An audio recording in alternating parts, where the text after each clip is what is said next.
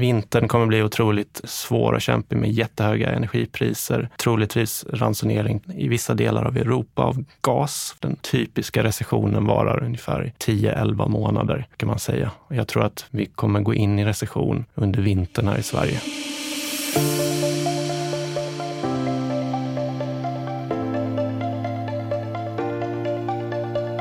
Hej och välkommen till Detaljhandelspodden avsnitt 49. En konjunkturspaning som, eh, ja, nationen har nog inte skådat en så här bra spaning tror inte jag. Det ska bli fantastiskt och vi som pratar är Magnus Olsson och Jonas Arnberg. Vi kommer att prata konjunktur och för att kunna göra det har vi såklart bjudit hit Sveriges bästa konjunkturspanare, analytiker, förstå sig påare på makro och konjunktur, konsumentbeteende och vad som händer framtiden. Eh, välkommen Ola Nevander. Tack så mycket. Ingen press där i presentationen. Du har också startat Makrologik nu sen vi såg senast. Ja, men precis. Det är en konsultlåda kan man säga som så eh, genom att eh, analysera omvärldsläget och makroläget så jobbar jag mot företag för att koka ner det till vad är konsekvenserna för deras verksamhet. Och det är också ett bra nyhetsbrev. Precis, på Substack. Eh, Ekonomisk perspektiv heter själva nyhetsbrevet på Substack. Du har ju varit med oss tidigare här och spanat om framtiden för något år sedan. Och idag så hade vi tänkt ett lite annorlunda avsnitt där Jonas och jag ska ha ett konjunkturbattle kan man säga. Vi ska helt enkelt jämföra olika syn på omvärldsläget. Jonas ska ta den positiva rollen och jag eh, överraskande nog var det lite mer dystrare. Och sen ska Ola helt enkelt ge oss svaret. Så enkelt är det. Ingen press Ola. Jonas, vi har en fantastisk sponsor i i boxen. Och innan vi börjar så kan vi väl berätta lite grann om deras satsningar framåt. Hur många boxar finns det nu? 1300 boxar, tror du eller ej, i 54 av Sveriges kommuner och med det så når i-boxen 45 procent av Sveriges hushåll. Och nu har man ju rätt eh, offensiva planer på att utöka det snabbt, eller hur? Alltså till Black Friday julhandel har vi 1600 boxar och årsskiftet är vi uppe i 2000 boxar som därmed når 5,5 miljon invånare. En riktigt bra infrastruktur för e-handel. Och är man e-handlare så prata med ditt transportbolag eh, så att de eh, signar i boxen och eh, se till att ha full flexibilitet för era kunder så att när man är där i checkouten och kan välja leveransalternativ så, så finns allt och inte minst e-boxen. Ni som vill lyssna ännu mer om e-boxen, då kan man lyssna på Detaljhandelspoddens 28 avsnitt med kommunikationschefen Marcus Trautman. Jag har ju då fått äran att ha det ljusa scenariot. Och då inleder vi med att konstatera att inflationen ju väldigt snart sjunker. Inflationen bestäms till stor del av handelns prissättning, det vet ni. Vad kommer hända i höst? Fulla lager, Black Friday. Eh, sen har vi ju en julhandel, en fantastisk eh, eh, eh djur, vet du, mellandagsrea. Alltså det kommer bli ett prissänkningsrace till följd av den svagare konjunkturen. Och ja, det är så vi mäter inflation. SCB skickar ut ett gäng som eh, tittar vad saker och ting kostar i hyllorna och det kommer att bli väldigt mycket billigare. Så att snart har vi ingen inflation längre. Och där måste jag avbryta dig Jonas, för att jag tycker att du är onödigt positiv och kanske lite kortsiktig i dina spaningar. Jag håller med dig om, och det såg man ju faktiskt redan under sommaren där man trodde att inflationen hade avstannat i USA, som jag tror var en konsekvens av att man i de amerikanska detaljhandeln haft en väldigt stor lageruppbyggnad under vintern och våren när det var svårt i världslogistiken. Man hade tryckt upp lagernivåerna flera tiotals procent och sen så fick man pisk av eh, marknadens bedömare, finansmarknaden och tvingades helt enkelt sälja ut det. Och då trodde alla att ja, men nu har inflationen avstannat när det dippade någon tiotals procenter i, i juli eller vad det var.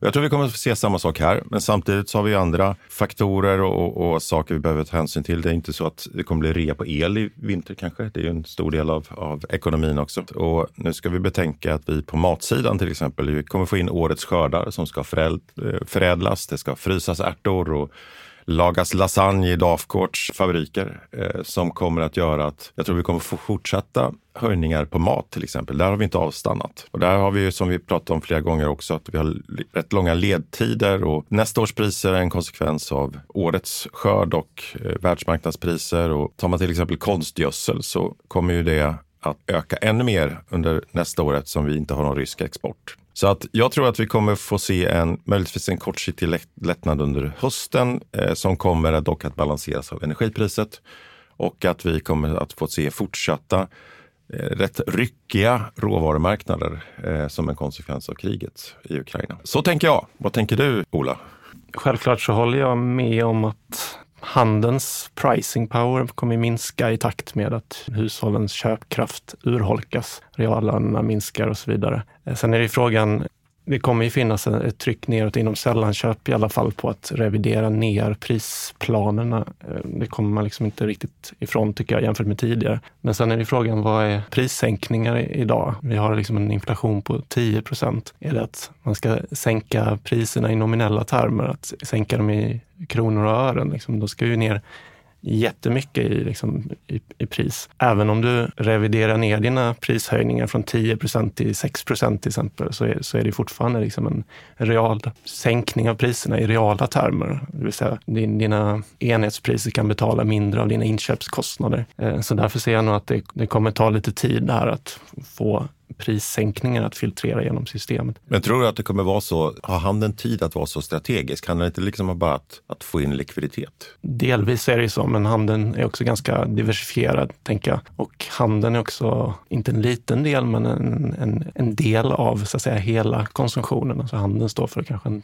tredjedel av hushållens konsumtion och sällanköp står för lite drygt hälften av hela handeln, så att säga. Så att även om du får stora reor inom sällanköp så kommer det finnas andra faktorer som talar för att åtminstone under vintern så kommer vi ha fortsatt väldigt höga priser. Och du var inne på, på det med livsmedel och energipriser, framförallt i Europa, då, som, som jag tror kommer fortsätta att påverka så att säga, inflationen. Nu hör jag att jag vann första matchen. Ja, men, men jag är inte färdig. Nej, okej, okay. men, men eh, en kommentar där Ola. Eh, du nämnde att eh, det här med reallönesänkningar och sådär. Hur, man ser ju jättemånga olika uträkningar av institut och, och eh, uh, förståsigpåare och hittepåare som mig själv också möjligtvis. Men, men vad, vad pratar vi om med, liksom, real, realeffekt för ett hushåll? Om man kollar på hur prisutvecklingen är och hur den förutspås vara inom de här stora utgiftsposterna som har gått upp väldigt mycket som el, till viss mån bränslepriser, livsmedelspriser och räntor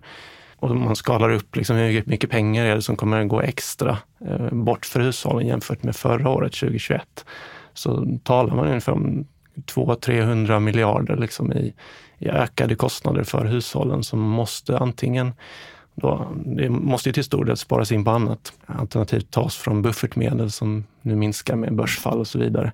Det innebär ju eh, så att säga, hushållen har en inkomster på kanske 2500 miljarder. Så om man tänker där så är det ju liksom nästan upp mot mellan 5 och 10 procent i, i en åtstramning liksom i reala termer. Och det kan ju vara typ 5 000 kronor i månaden. För ytterligare lite till, kanske 7-8 000 om man räknar med liksom 2023 kontra 2021. För en normal, normalt hushåll där man bor i, bor i hus och har normala uppvärmningskostnader och så vidare. Låt mig fortsätta. Jag känner att jag ligger i underläge men har flera argument.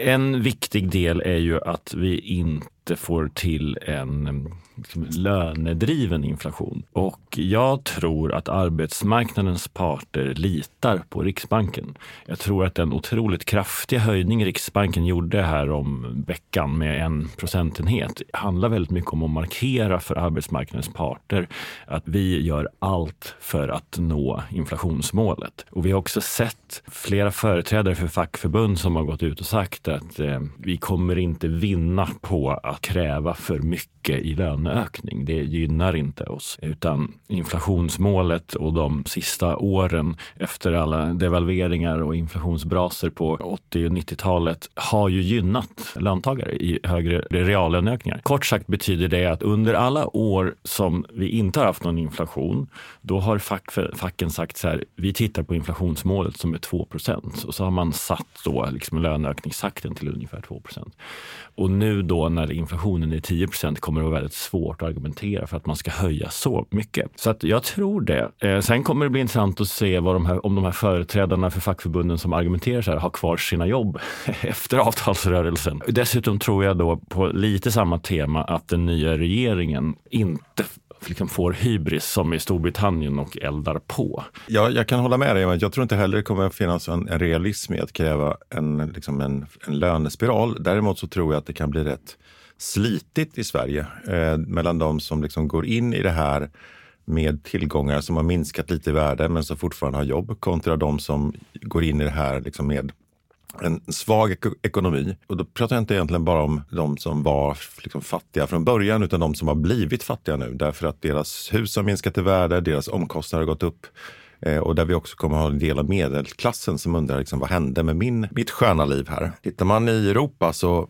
har det också resulterat liksom i rätt stora demonstrationer och, och, i vissa, vissa länder så har det här eskalerat i orangea västar och så vidare. Tidigare när det varit oroligheter. Jag är rädd för en sån utveckling om det här fortsätter över tid. Därför att det du säger är ju egentligen att hushållen kommer att få rejält minskad köpkraft ännu mer under nästa år. Ja, och efter många år av ökad köpkraft så får man så att säga ha råd med det och, och förstå att över tid är det här rimligt. Reallöneökningarna kommer tillbaka. Du tänker att man tänker att nu är det lågkonjunktur och vi förtjänar det?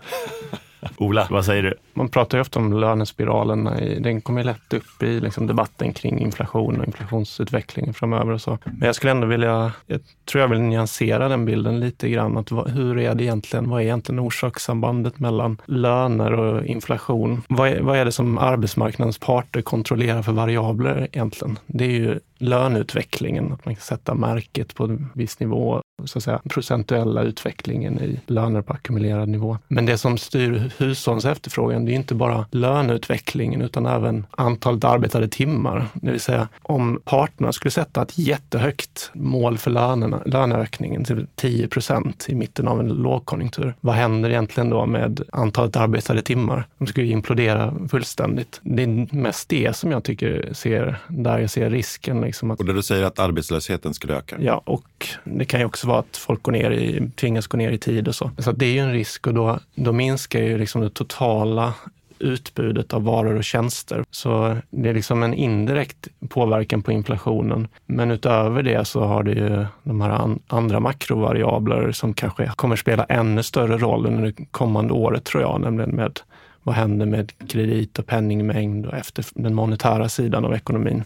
Så bara för att återgå till den här frågan kring inflation eller inte, så jag vill nog ge båda er lite rätt i att jag sa att på kort sikt så är det väldigt svårt att se i Europa att eh, inflationen kommer sjunka jättemycket under vintern där vi har jättehöga energipriser och fortsatt höga livsmedelspriser och stigande räntor. Men den naturliga utvecklingen för en marknadsekonomi eh, i mm, spåren av högre räntor och åtstramade krediter, det är ju att det kommer finnas ett enormt tryck neråt på de flesta priser. Så det ser jag ändå en förutsättning för att inflationen så småningom kan komma, komma ner väldigt mycket. Sen är det frågan hur mycket tillåter centralbankerna det när de väl ser att aktörer hamnar i betalningssvårigheter och så. Och det, där ser jag en stor risk att man, man intervenerar för tidigt då, innan man har sett inflationen komma ner tillräckligt mycket. Du menar att man riskerar att köra ekonomin till ett stopp? Ja, eller att man prioriterar den finansiella stabiliteten lika mycket som inflationsmålet i det läget. När man kanske får stora kommersiella fastighetsföretag i likviditetsproblem till exempel. Eller liksom finansbolag eller banker i likviditetsproblem. Det, det kan ju hända om vi står inför en, en, en krissituation såklart. Men vad är risken att man räddar företag då? Det finns en långsiktig makroekonomisk eh, risk i det att man premierar sämre företag på bekostnad av bättre företag, Minska din konkurrenskraft och så vidare. Men det kan ju också bli väldigt dyrt för skattebetalarna i slutändan att Om det är staten som är den sista utposten så är det vi alla som betalar i slutändan via högre skuldsättning och våra våra barn och barnbarn får betala tillbaka det i ökade skatter. Men du menar att vi är i en situation där det finns zombieföretag som har växt i spåren av nollkostnad för kapital och, och mycket, mycket riskkapital i i rörelse, eller hur tänker du? Ja, men det tror jag man kan säga. Att eh, vi har haft tio, tio år plus av eh, hyperlåga räntor och en expansiv penningpolitik även i högkonjunktur. Det är det som, eh, delvis är det ju det som kommer att behöva så att säga komma ur systemet för att vi ska komma tillbaka till någon, någon slags mer stabilt makroekonomiskt läge. Har vi haft en bubbla? Ja, på många olika ställen skulle jag säga. Ja, och många andra har varnat liksom för bostadsmarknaden i ganska många år nu.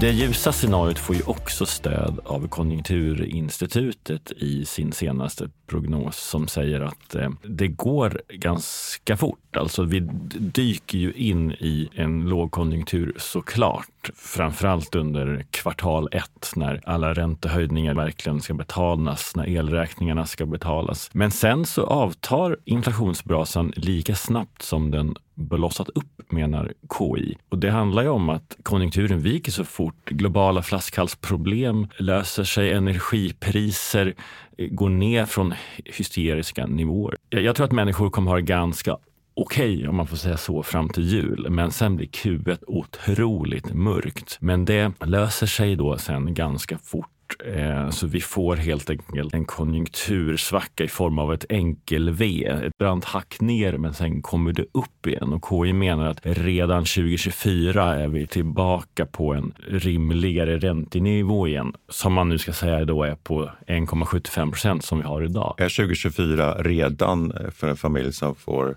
7000 extra i månaden. Nej, men redan kan ju faktiskt vara, eh, familjen kommer få det bättre redan till sommaren. Får jag ge en lite nyanserad bild av det där? För jag, jag tycker att Konjunkturinstituten och Riksbanken och flera andra aktörer, de, de ser den svenska ekonomin som någon form av slutet system och så tittar man inte på de, den, den världen som är utanför, förutom möjligtvis i det finansiella systemet. Men tittar man på varför vi är i en energikris så, betyder, så är det delvis beroende på att vi har gjort oss beroende av Ryssland. Vi har monterat ner kärnkraft och när Ryssland plötsligt säger att nu är vi inte kompisar längre, eller vi, vi är överens om att vi inte är kompisar, ja, men då, då, då blir det en snudd på katastrof när man börjar prata om elransonering i vår del av världen. Och Tittar man på vad, liksom, vad som har varit en bidragande del till inflationen så har det ju delvis varit liksom en överkonsumtion under pandemin i vissa sektorer. Vi har eh, haft gratis kapital så gott som. Vi har haft globala flaskhalsproblem. Även om flaskhalsproblemen svänger tillbaka så kommer ju kriget i Ukraina inte påverkas av att den globala handeln går ner. Och energi och liksom kritiska jordartsmineraler som vi har blivit av med som en konsekvens av kriget i Ukraina och frånkopplingen från Ryssland, det kommer ju inte lösa sig för att vi har en hård åtstramning av konsumtionen under första kvartalet. Och i stort sett all vår industri, hela välståndet i Västeuropa bygger på tillgång till väldigt, väldigt billig energi. Det är ingen, en hel generation. Ja, när jag växte upp på 70-talet, jag var ju några år när energikrisen kom. Jag kommer fortfarande ihåg uppmaningen om liksom duscha tre minuter och man stängde av elen och gick omkring i raggsockor hemma. Det är ju en generation som inte aldrig upplevt det. Så att jag tror att inflationen på vissa delar som energi och dagligvaror kommer att vara kvar, kanske till och med fortsätta upp. Och det här är ju en situation som kommer att vara kvar under överskådlig tid skulle jag säga. För att alla vet att vi kan inte göra en omställning i, av vår energiproduktion på ett par år. Om det är drivande till det här, ja, men då har vi kvar de, de, ett antal drivande faktorer bakom inflationen också. Och dessutom om vi nu tänker att ja, men om det bara blir fred i Ukraina, då är allting frid och fröjd. Men så är det inte heller, därför att då står vi inför en utmaning i Ryssland som är förlorare, ett land med kärnvapen som består av hundra olika minoriteter som riskerar liksom att, att falla sönder. Och en, en, det är inte en återgång till att ja, men nu, är vi, nu är allting frid och fröjd. Utan det är ju början på en, en potentiellt väldigt turbulent period i liksom geopolitiken också. Vad tror du? Ola? Jag är väl också in, inne på att vintern kommer bli otroligt tufft och eh, det är därför jag säger att i Europa tror jag inte det finns jättestora utsikter för att få ner inflationen på kort sikt med anledning av just de faktorer du tar upp med energikris och resursbrist, liksom till exempel inom livsmedel och så vidare. Men samtidigt så, alltså den här flaskhalsproblematiken i världsekonomin på något sätt har ju mildrats över tid. Eh, så att jag ser ändå att om man tittar på fraktpriser till exempel så har de, de har dalat liksom ända sedan, sedan förra hösten och är nu ner fortfarande på onormalt höga nivåer men flera gånger lägre än vad det var förra hösten. Liksom. Och ändå har vi fortsatt hög inflation. Så jag tänker att det ändå tyder på att det finns en annan komponent som är den här monetära och liksom efterfråge. Varför har vi så stor efterfrågan fast resurser har blivit så mycket dyrare? Det är ju för att den efterfrågan finns där på grund av liksom en kreditexpansion och den biten, pusselbiten, den kommer att dyka liksom i takt med att konjunkturen kyls av. Det vill säga, jag tror ändå att eh, i takt med att kreditgivningen dippar, att den kommer dippa liksom snabbare än vad åtstramningen i realekonomin pushar ju upp inflationen som, som du är inne på Magnus. Men i och med att eh, kreditsammandragning kommer att gå snabbare så tror jag ändå att liksom det finns ett långsiktigt, kommer finnas ett långsiktigt tryck neråt på inflationen eh, och som slår igenom i den breda varukorgen. Liksom. Även om vi kan ha höga livsmedelspriser och höga energipriser och säkert kommer att ha det under en utdragen period. Och i den breda varukorgen så räknar du in sällanköp? Sällanköp och konsumenttjänster och så vidare. Jag känner att det börjar luta lite åt det ljusa scenariot.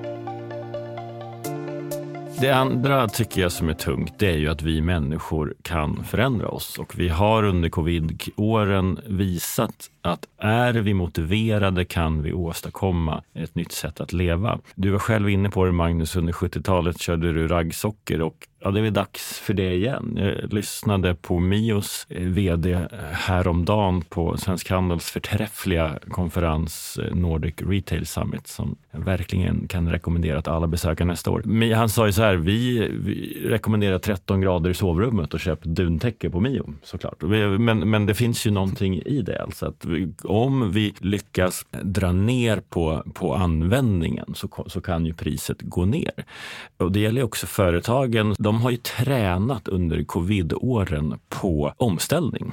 Och det är en sak de har lärt sig, tycker jag är en nyckel, det är att gör inte av med personalstyrkan för fort. För att det tar alldeles för lång tid att få tillbaka dem. Titta på restaurangsektorn som tvingades då över en natt i stort sett avställa eh, stora delar av personalstyrkan som man fortfarande inte har lyckats få tillbaka. Och, och då tror jag att i en svagare konjunktur nu så kommer företagen våga låta människor vara kvar ett tag till.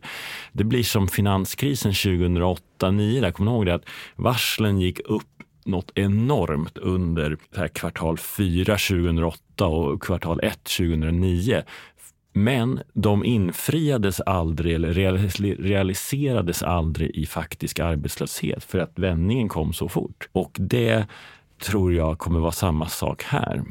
Och, och, då går vi aldrig in i en riktig lågkonjunktur eftersom arbetslösheten nu, den är väl inte låg, men den har åtminstone sjunkit.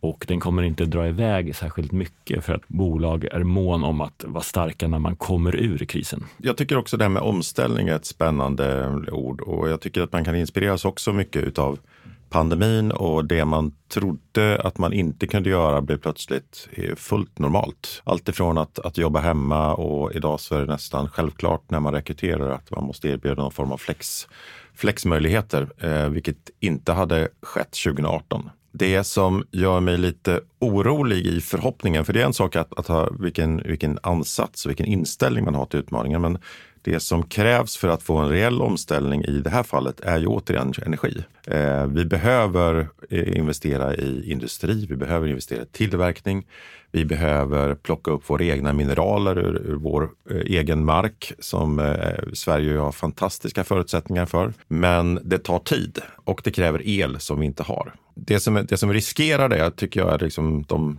den globala situationen som vi inte kan påverka. Jag hoppas också att det inte kommer att bli massa friställningar, för det vore ju katastrof, särskilt när man liksom har slått, slagit som nyckelkompetens som man sen inte kan använda. Men tittar man på handeln eh, så finns det ju dels företag som har en väldigt, väldigt olika formkurvor. Och tar vi, till, tar vi mode till exempel som hade det riktigt, riktigt tufft under pandemin. Man kom ut, man andades ut, eh, man har kanske då lagt order eh, för kommande höst och vinter på en nivå som man helt enkelt inte kan hantera. Plus då den här lilla detaljen med ökade hyreskostnader som indexregleras på en nivå som kanske är 10% upp.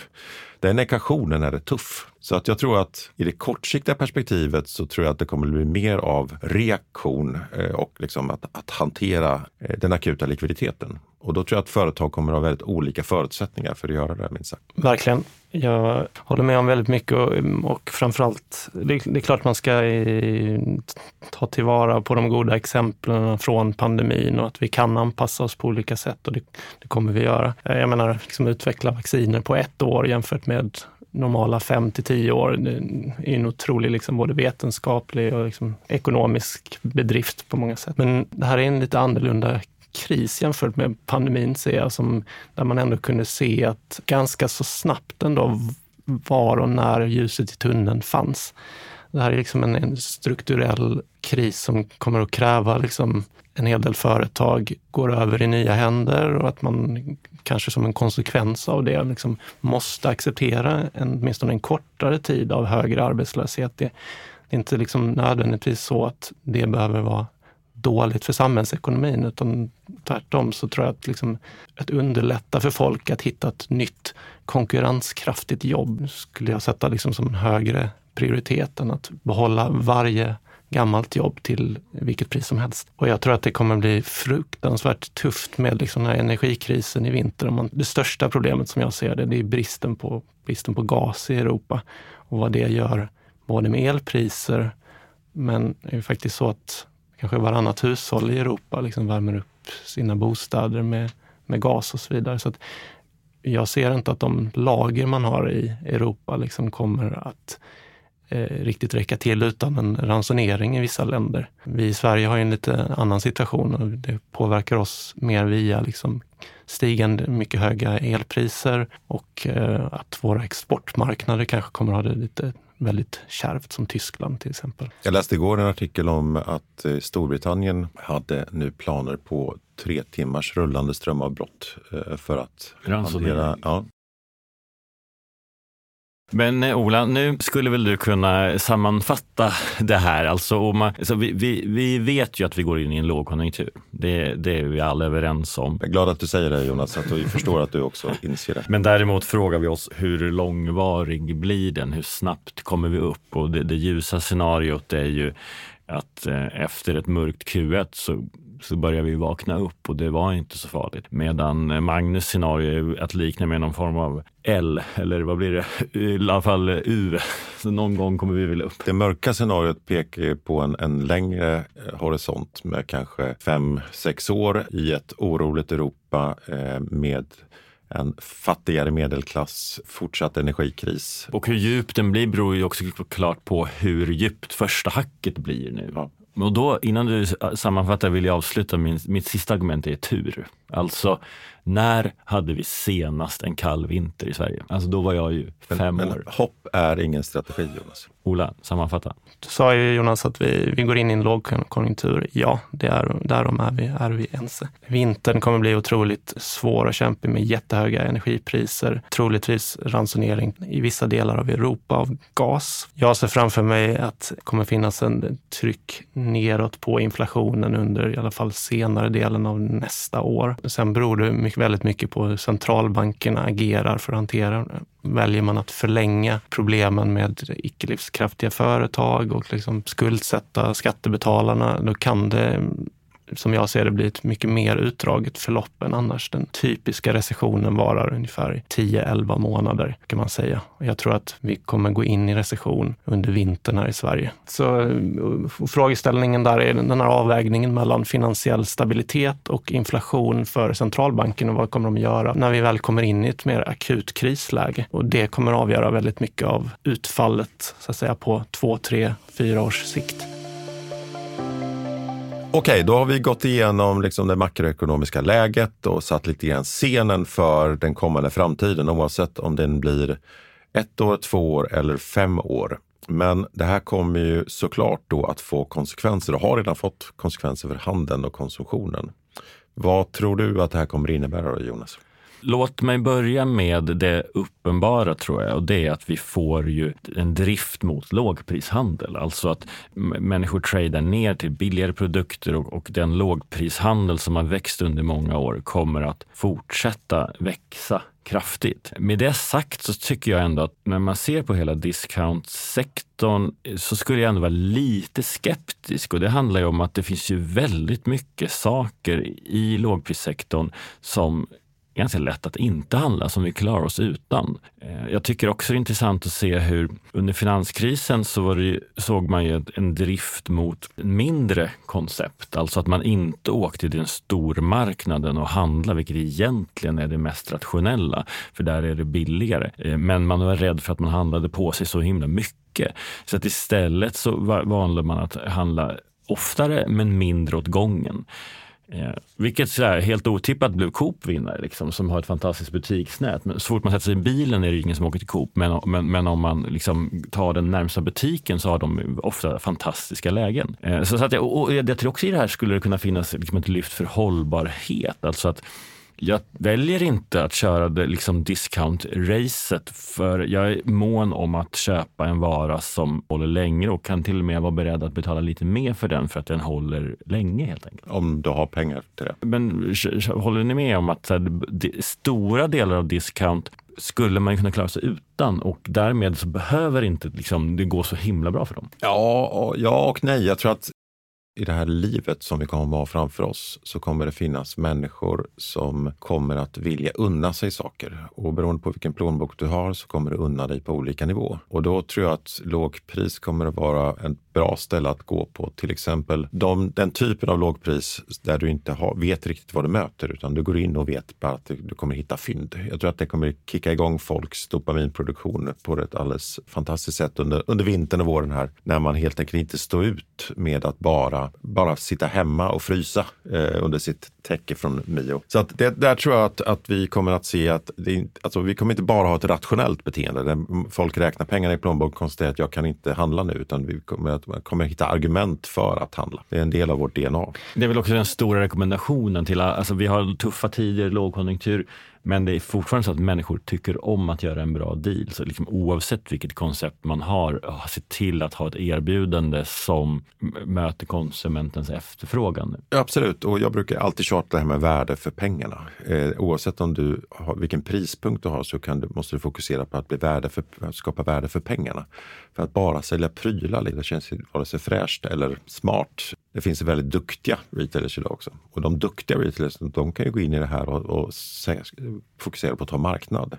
Man kan spela svälta räv med, med konsumenterna. Man kan tajma sina erbjudanden så att man får omsättningen innan sina sina kollegor eller konkurrenter och så blir det ett last man standing. Jag tycker samtidigt att en del av varför lågprisaktörerna lyckas så bra just nu är ju för att de, de ligger tillräckligt nära sina så att säga, mellansegmentskonkurrenters produkter i kvalitet och livslängd. Men de erbjuder produkterna till ett lägre pris. Så jag är inte riktigt säker på det här med vad man behöver kontra vad man inte behöver.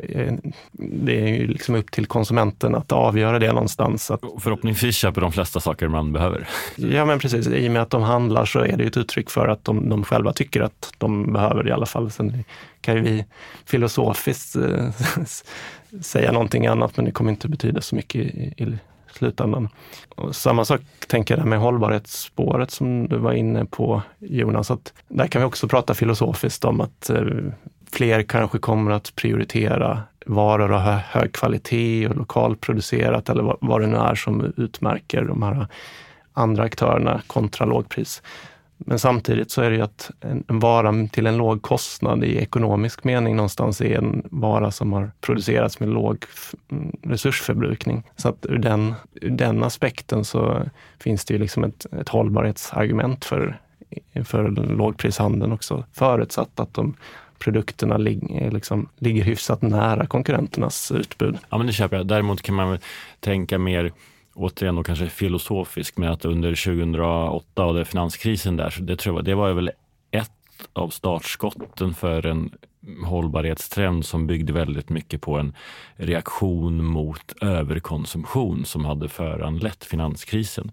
Och kanske på samma sätt nu så, så kommer det efter vi är förbi det här så kommer hållbara energislagen, mer hållbar konsumtion möjligtvis ha liksom fått ytterligare fart.